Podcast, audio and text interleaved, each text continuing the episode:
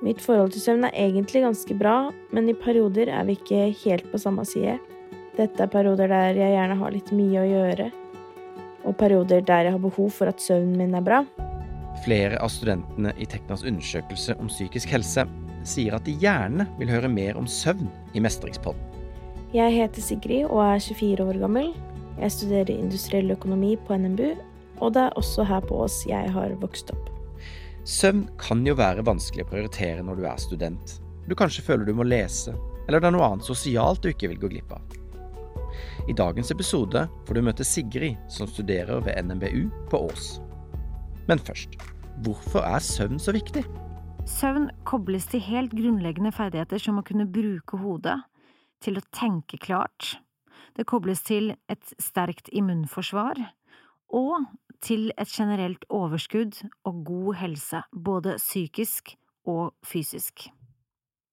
Velvære, følelsesmessig balanse, evne til å tåle ulike belastninger og smerter, og konsentrasjon, hukommelse og evne til å ta inn ny informasjon, er alle ting som er avhengig av søvn. Det er fortsatt litt uklart hva som faktisk skjer under søvn, og som fører til at den er så viktig, og det finnes ulike teorier, som at søvn er viktig for å lagre og sortere inntrykk, for hukommelse og dannelse av nye nerveforbindelser i hjernen, som om det krever noe tid, hvor vi er uforstyrret, og gjentagelse hver natt. Problemet mitt er det å faktisk sovne. Når jeg legger meg i senga, tenker jeg på alt jeg burde ha gjort, og kommer på ting som jeg har glemt. Og når jeg har fått disse tankene inn i hodet, så klarer jeg ikke å slippe det, og da kan det ta lang tid før jeg sovner. Mange opplever at bekymringene dukker opp ved leggetid, eller at man plutselig finner løsningen på et problem. Begge deler kan skyldes at kanskje er den eneste anledningen i løpet av et døgn hvor du faktisk har litt ro, den tiden hvor du skal sove. Utfordringen er da at hjernen og alarmberedskapen, din stressrespons, aktiveres av tankene, hvilket gjør at det blir vanskelig for deg å falle til ro, falle i søvn og eller påvirke søvnkvaliteten din. Derfor kan det være lurt å ha noen teknikker, både forebyggende, men også dersom du opplever å ha vanskelig for å sovne. Hva er så disse teknikkene? Vi kan snakke om gode søvnrutiner eller søvnhygiene, som å legge seg og stå opp til samme tid hver dag. Ifølge forskning er det viktigste å stå opp samme tid daglig, også i ferier og helger dersom søvn er en stor utfordring for deg. Jeg har som mål å legge meg klokka elleve hver dag og stå opp igjen klokka sju dagen etterpå. Men skal vi være så ærlige å si at jeg ikke har gjort det så veldig mye i det siste? Kan fort finne på å ligge en time på telefonen etter at jeg har lagt meg, og når klokka ringer dagen etterpå, så velger jeg å bare bli liggende. Og der kan jeg ligge i timer. Det varierer fra person til person hvor mye søvn vi trenger, men de fleste av oss har behov for et sted mellom syv til åtte timer per natt. I noen perioder, for eksempel i eksamensperioden, eller andre stressende faser, kan det være lurt å legge til rette for litt ekstra søvn. Så vidt jeg har skjønt, er Teknas studenter opptatt av å prestere på mange arenaer, og dersom du jobber med å prestere på prøver, innleveringer, på trening og sosialt, kan kanskje opp mot ni timers søvn også være en god investering for deg. Kan du sove for mye? Hvis du sover så mye at det påvirker energien din negativt, eller at søvn blir en flukt, så kan det hende at du skal stille spørsmålstegn ved mengden. Ikke sant. Men er det andre ting vi kan gjøre for å forbedre søvnhygiene? Bruk sengen til å sove ikke til TV eller mobil. Skriv bekymringene dine ned, sånn at du skaper avstand til de, og innføre eventuelt desidert bekymringstid, det vil si maks 30 minutter sammenhengende daglig. På denne måten tar du kontroll over bekymringene dine, fordi du kan hvile i at du har satt av tid til å ta deg av de, og dermed kan du fristille mye mental kapasitet gjennom dagen for øvrig. og la de passere, eller øve deg på å utsette de.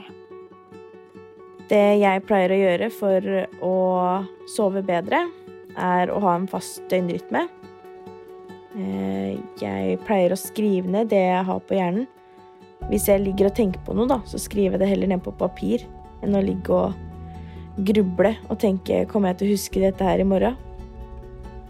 Og så liker jeg å ha det ryddig rundt meg. Gi meg litt ro i sjela, og da ser jeg i hvert fall ikke noe jeg burde gjøre. Skille mellom det du kan påvirke, og det som er utenfor din kontroll. Og ta det rolig før du skal legge deg.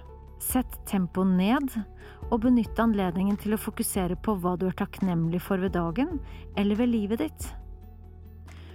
Fokuset ditt, det du tenker på, setter nemlig avtrykk i følelser og i kroppen din. Så legg merke til hva det gjør med deg å tenke på noe fint, noe du verdsetter. Kanskje kan det gi en følelse av ro og en opplevelse av trygghet. Er det ting vi bør unngå rett før leggetid? Det snakkes en del om at lys fra skjerm kan være uheldig. I tillegg bør vi være oppmerksom på at noe innhold kan gjøre oss engstelige, urolige og det kan derfor være lurt å unngå ting som kan skape en opplevelse av stress i kroppen.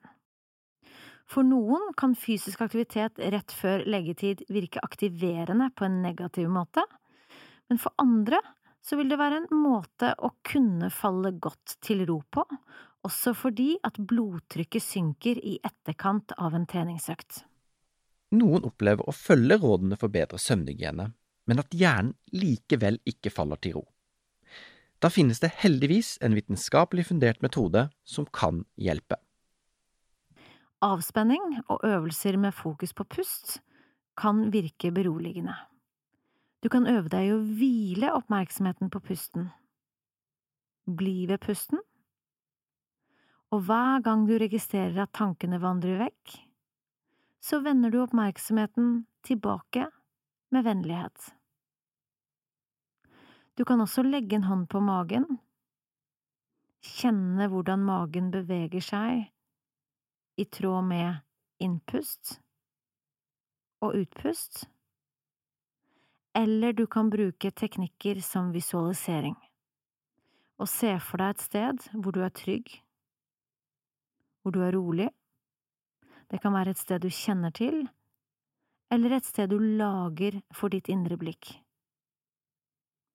Det finnes også flere lydfiler og apper med avspenning og meditasjon som er guidet, som du kan bruke.